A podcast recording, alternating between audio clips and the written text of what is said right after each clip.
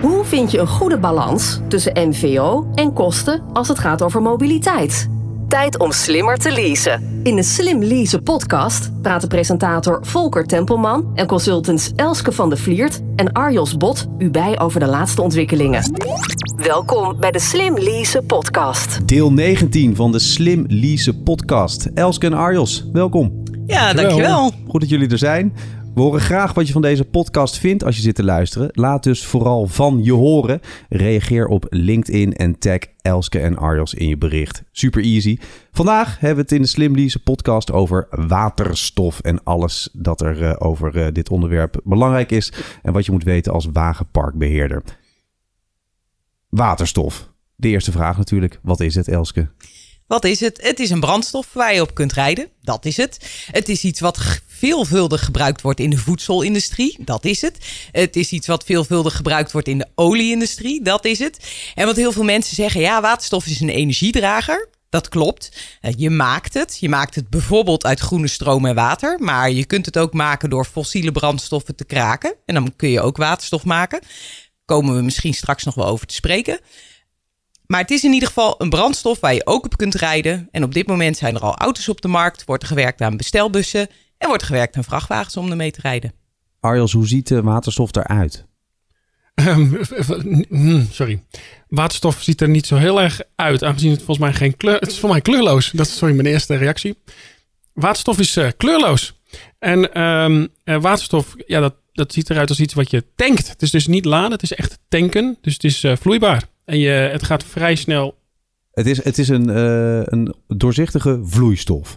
Nou, het is een doorzichtig gas. En ook een, een geurloos gas. Mm. Ja, je, het is geen vloeistof. Um, wil niet zeggen dat het helemaal nooit vloeistof zou kunnen zijn. Maar dan moet je de goede druk en temperatuur hebben. Nou, daar beginnen we niet aan, want dat is veel te veel, hoge druk, uh, veel te lage temperatuur. Als je waterstof in een voertuig toepast, dan is het gasvormig. En dan wordt het ofwel onder 350 bar, ofwel onder 700 bar druk opgeslagen in een tank, tank. op het voertuig. Ja. Waar komt waterstof vandaan? Ik zei al dat je het uh, kunt maken uit, uh, uh, uit water en stroom bijvoorbeeld. Wat je dan doet is dat je water hebt en dat bestaat uit waterstofatomen en zuurstofatomen. En doordat je daar stroom op zet, heel simpel gezegd, trek je dat uit elkaar. Dus dan heb je niet dat die waterstof en zuurstofatomen meer aan elkaar zitten, maar los zijn. Dan heb je waterstof gemaakt. Maar wat er ook heel veel gebeurt, is dat je bijvoorbeeld methaan, aardgas hebt. En dat je dat kraakt, ook uit elkaar haalt. Ontleed ontleed. Ja, inderdaad. Mm. En dan krijg je ook waterstof van. Want uh, methaan, daar zit ook waterstof in. Daar zit ook koolstofatomen in. Nou, dat trek je uit elkaar. Dan krijg je waterstof en CO2.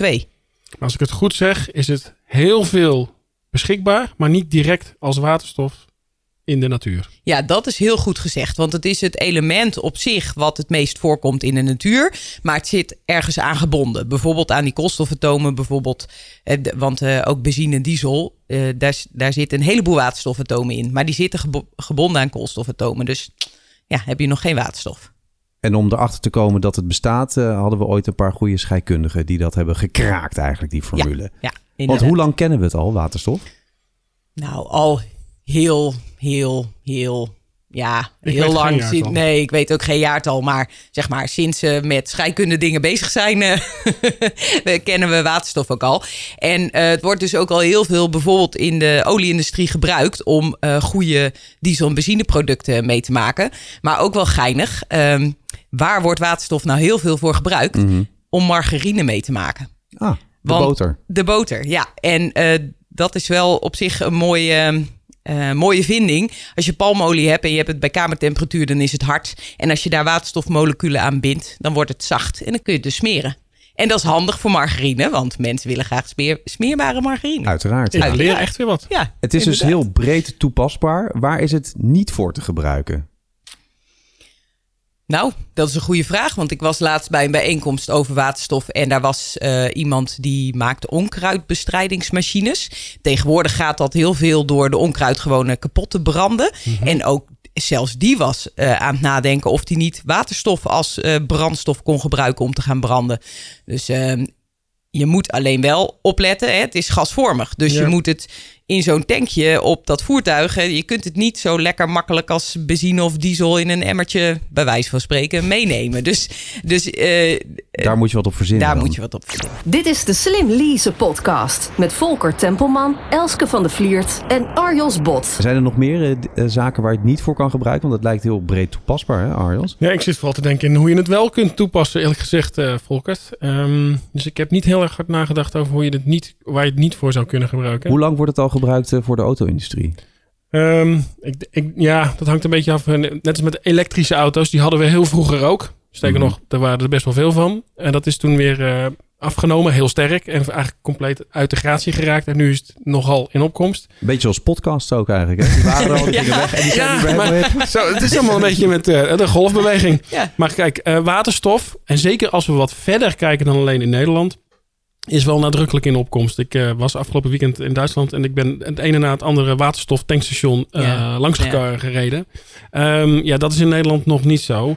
En het blijft een beetje een kip-ei verhaal. BMW heeft in het verleden behoorlijk geïnvesteerd, bijvoorbeeld in waterstof en waterstofauto's. En nu is het weer een beetje minder, of juist weer in opkomst. Maar ze hebben in ieder geval geen actieve auto of auto's in de markt die op waterstof rijden. En andere fabrikanten op dit moment wel. Waar wordt dat door bepaald, denk je? Hoe komt dat?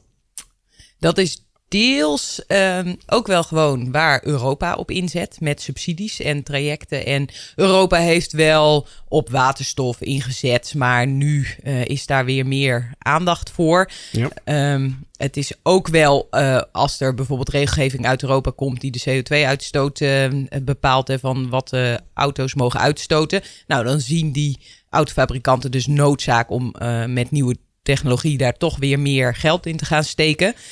Maar ontwikkeling van de techniek het staat natuurlijk niet stil. Nee. Het ook, dus het wordt, laten we zeggen, uiteindelijk iets bereikbaarder, iets betaalbaarder. Eh, je kunt er weer verder op rijden. Dus al die nou ja, elementen maken het langzaam weer bruikbaarder. En dat begint, mm, ik denk dat het de business case eerlijk gezegd eerder rond te krijgen is in wat grotere voertuigen. Denk aan bussen, vrachtwagens, eh, dan bij personenauto's. Waarom? Nou, het kost nog wel wat. Ehm, en ik denk dat het voor een aantal, eh, laten we zeggen, voor vrachtwagens, het lange afstand bijvoorbeeld, dan, dan is je accu vrij snel leeg. En als je wat langer door kunt rijden en wat sneller kunt tanken, waardoor je wat minder tijd verliest, ja, dan is die business case eerder voor dat soort toepassingen eh, interessant dan wanneer je, zoals ik als individu, af en toe ergens een keer op een hele lange reis een kwartier of een half uur stilstaat om te laden.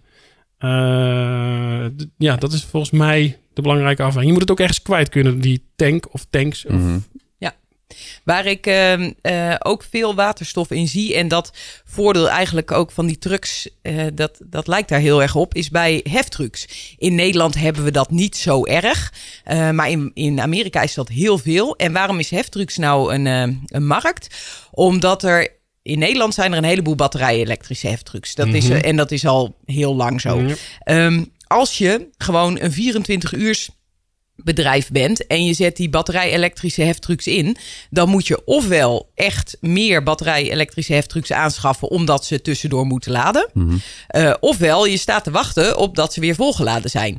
En wat ze dan vaak doen is met batterijpakketten wisselen. Dus dan kunnen die batterijpakketten ondertussen laden en dan kan die heftruck eh, weer door. Dan hoef je niet een hele nieuwe heftruck te kopen. Maar ja, batterijpakketten wisselen, dat is echt niet zonder risico's. Daar, daar valt er heus wel eens een eh, van het eh, wisselstation af. En eh, nou, de hele hoop schade, hele hoop kosten, hele, hele hoop gedoe. En daarom dat je in Amerika veel meer ziet dat ze dan op waterstof gaan rijden met die heftrucks. Omdat je die gewoon met een paar minuten weer vol hebt getankt. En dat is eigenlijk ook met die vrachtwagens. Ja, zou je dat moeten gaan laden of die batterijen wisselen? Hoop gedoe. Terwijl je ook weer als je waterstof kunt tanken gewoon binnen... hoe werkt dat dan? Want volgens mij is een Mhm. waterstofstation, tankstation, vrij Ja. kostbaar. ja, Hebben al die fabrieken of bedrijven dan een eigen waterstoftankstationnetje voor heftrucks? Ja, die hebben inpandig zelfs eh, een waterstofstationnetje voor de heftrucks... die met flessen bijvoorbeeld eh, en gewoon cilinders eh, beleverd wordt.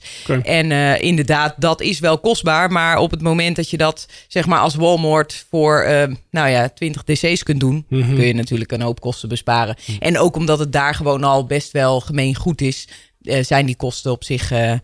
best weinig. Mij schiet er binnen dat eh, de eerste waterstoftrein is gebouwd. En waarom kon die gebouwd worden? Omdat die uit allemaal componenten bestaat die op zich goedkoop zijn, omdat ze in alle andere toepassingen voor waterstof al gebruikt worden. Dus het wordt wel steeds goedkoper.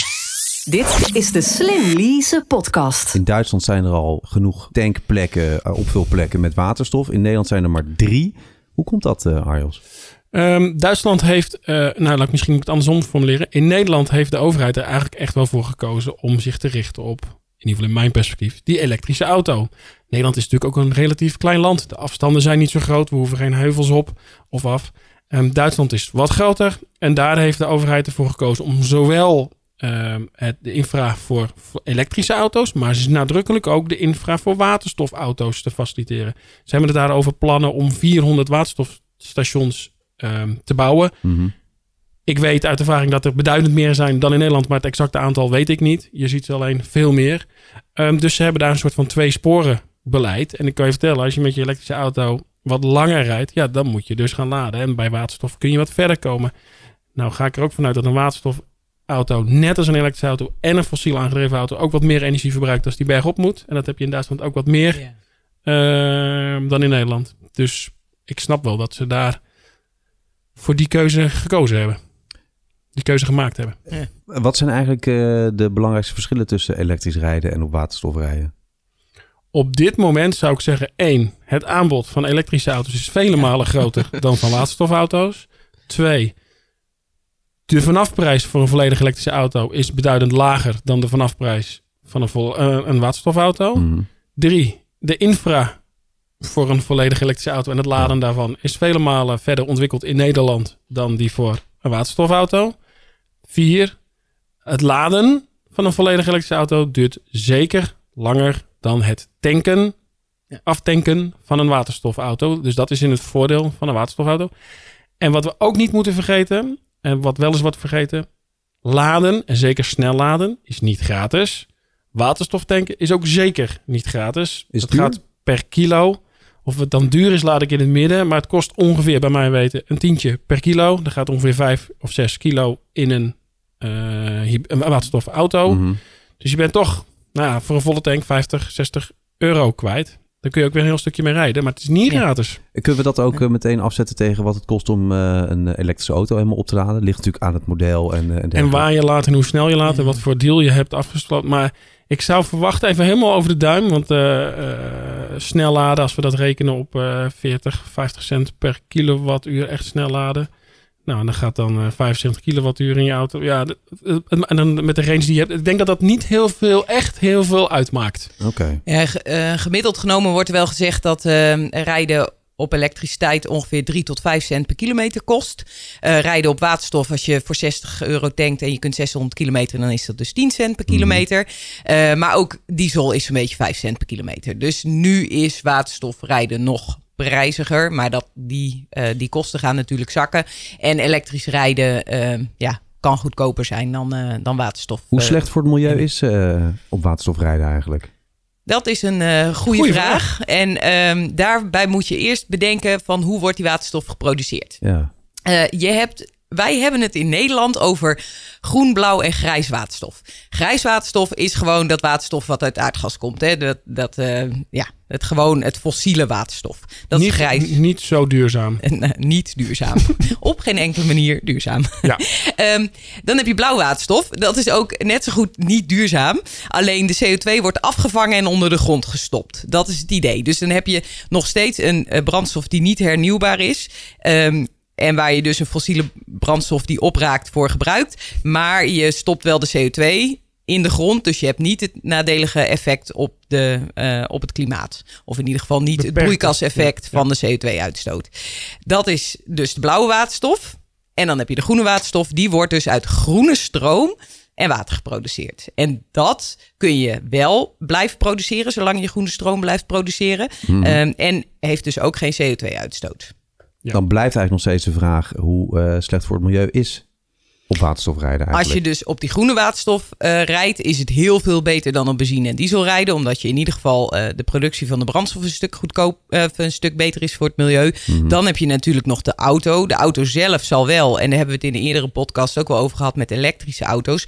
Dat de auto zelf, zeg maar, heeft een zwaardere milieubelasting. Want er moet een brandstofcel ingebouwd worden. Die heeft metalen die slecht zijn voor het milieu. Er zit nog een accu in. Nou, die, dat is eh, slechter voor het milieu dan een benzine- of dieselauto bouwen.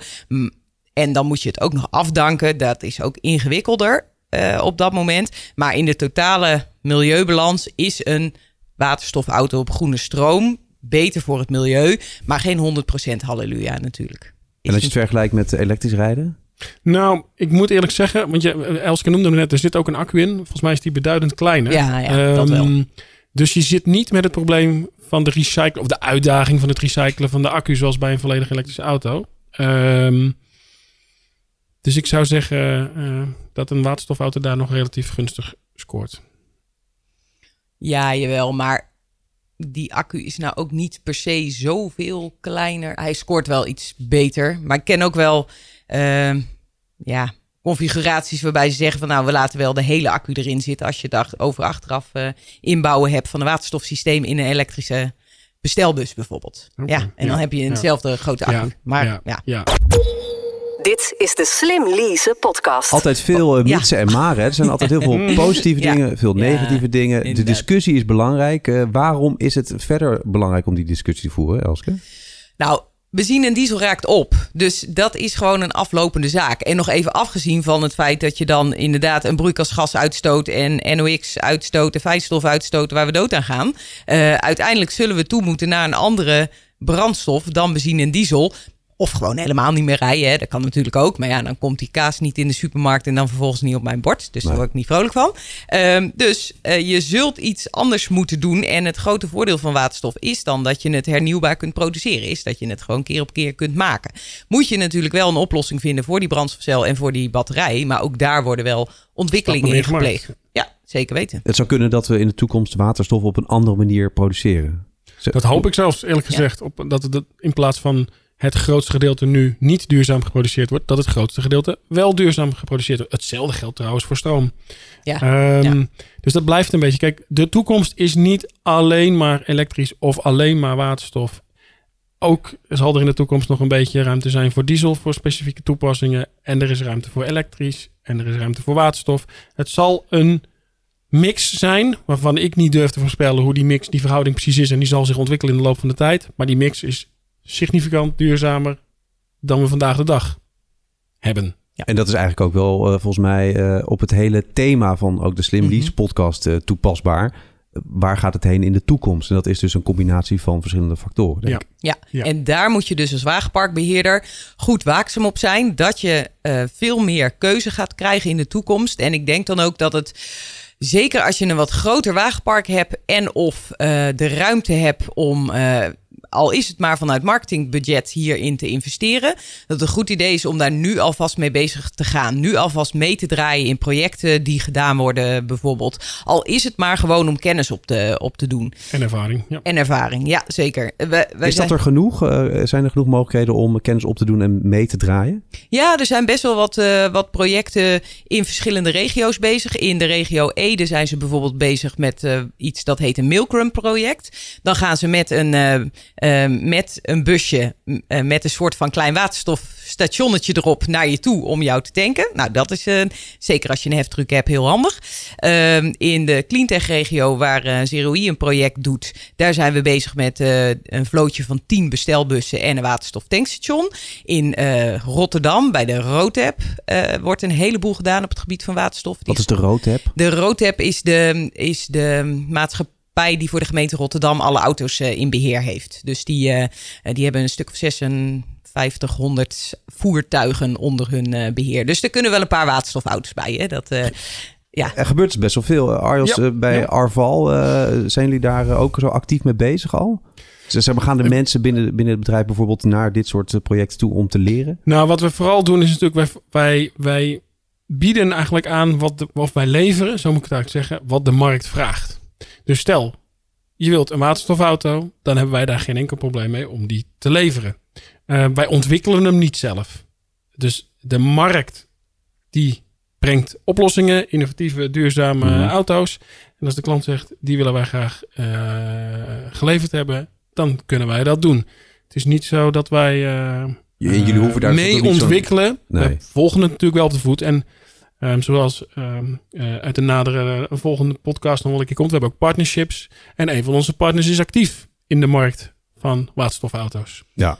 Ja, en daar kan een leasemaatschappij wel een rol in spelen, omdat ze het product als leaseproduct kunnen aanbieden. Want wat je bij veel. Je ziet gewoon, dit is nog een investering die je als bedrijf zou moeten doen, die hoger ligt dan je gemiddelde investering als je investeringen in je flow doet. En als je dan uh, de kosten kunt uitspreiden omdat je kunt leasen, dan kun je dus wel die stap nemen. Terwijl als je zou moeten investeren in een bestelbus die, uh, nou, zeker twee keer zo duur is, zo niet uh, tweeënhalf keer zo duur, dan, dan wordt die investering te groot, te moeilijk, te lastig. Dus uh, vandaar dat het, uh, uh, dat het heel fijn is dat je dit soort producten ook kunt leasen. Dit is de Slim Leasen podcast met Volker Tempelman, Elske van de Vliert en Arjos Bot. Ik wil het tot slot ook nog even over de veiligheid hebben. Dat hebben we nog helemaal niet aangestipt. Is het eigenlijk veilig om met waterstof te rijden? Ontploft dat hele ding niet achter in, ja, je, in, je, nieuwe, in je nieuwe auto? Gewoon allemaal.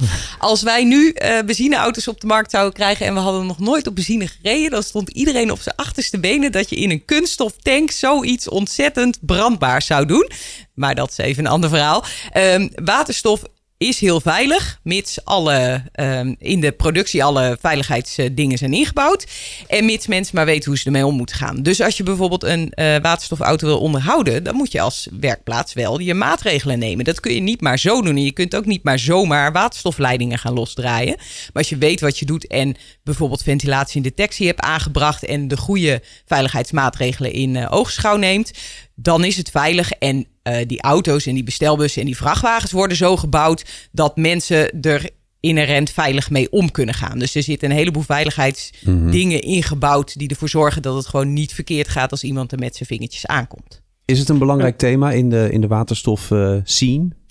Um, ik denk het wel. Als ik me niet vergis, mag je volgens mij met een waterstofauto ook vaak een parkeergarage nog niet in. Mm -hmm. Een beetje hetzelfde als met LPG. Mm -hmm. um, ja, is dat een dingetje? Ja, weet ik eigenlijk niet zo goed. Uh, ik kom regelmatig in een parkeergarage, maar niet met een waterstofauto of met een auto op LPG.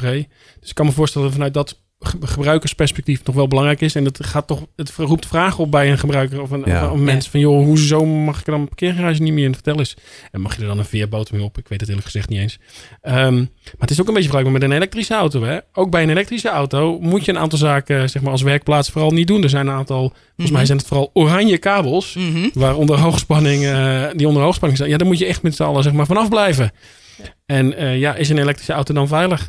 De meeste wel. Uh, ja. Maar ja, ik zie af en toe ook wel eens een plaatje van een brandende elektrische auto. En die ja. accu's, als ja. die eenmaal branden, schijnt geen pretje te zijn. En beïnvloedt nee, dat nog de... wet en regelgeving eigenlijk? Want daar hebben we natuurlijk heel erg mee te maken. Ja, ja, ik ben nu voorzitter van de PGS 37-commissie. En die is opgesteld omdat er... Wat was dat ook alweer precies? Ja, dankjewel. Goeie vraag, Arjels. Goeie vraag, Arjels, inderdaad. De PGS is, staat voor Publicatiereeks Gevaarlijke Stoffen. Dat, is een, um, uh, dat zijn richtlijnen die uh, zowel met de industrie als met het ambtelijk apparaat worden uh, uh, worden gemaakt om veilige situaties te borgen. Mm -hmm. in dit geval was de aanleiding bijvoorbeeld de brand in de Stella-fabriek met alle elektrische fietsen. Maar er is ook een fietsenaccu op een toonbank ontploft. En er stond laatst een prachtig mooie BMW i8 in de fik, zeg maar. Nou, daar gaat die PGS 37-commissie over. Die gaat nadenken over um, hoe zorg je nou dat als je zoveel accumucapaciteit bij elkaar hebt, dat dat veilig wordt opgeslagen, dat het veilig uh, wordt weggevoerd op het moment dat de brand is. Daar wordt op dit moment over nagedacht. Maar op dit moment, hè, hoe lang hebben wij niet al Priussen rijden? Dus ja, ja, ja, het, het duurt altijd even wat langer voordat de wetgever zover is. Nou, genoeg om over te praten rondom het thema waterstof. Dat gaan we dan uh, ook doen in de komende uitzendingen. Dit was namelijk alweer uh, deel 19 van de Slim Lease podcast. Elske, voor iedereen die meer wil horen, waar kan je de podcasts uh, terugluisteren? slimleasepodcast.nl en we horen natuurlijk graag wat je van de podcast vindt, jullie luisteraars. Laat het dus van je horen. Dat kan op LinkedIn. Reageer op LinkedIn en tag Elske en Arjos in bericht. Volgende keer dus nog meer over waterstof. Dan is Jan Kerkhoff te gast, waterstofrijder van het eerste uur. Tot dan. Tot zover deze aflevering van de Slim Lease podcast. Zorg dat je op de hoogte blijft van alle ontwikkelingen op het gebied van zakelijke mobiliteit. En luister ook naar de volgende aflevering.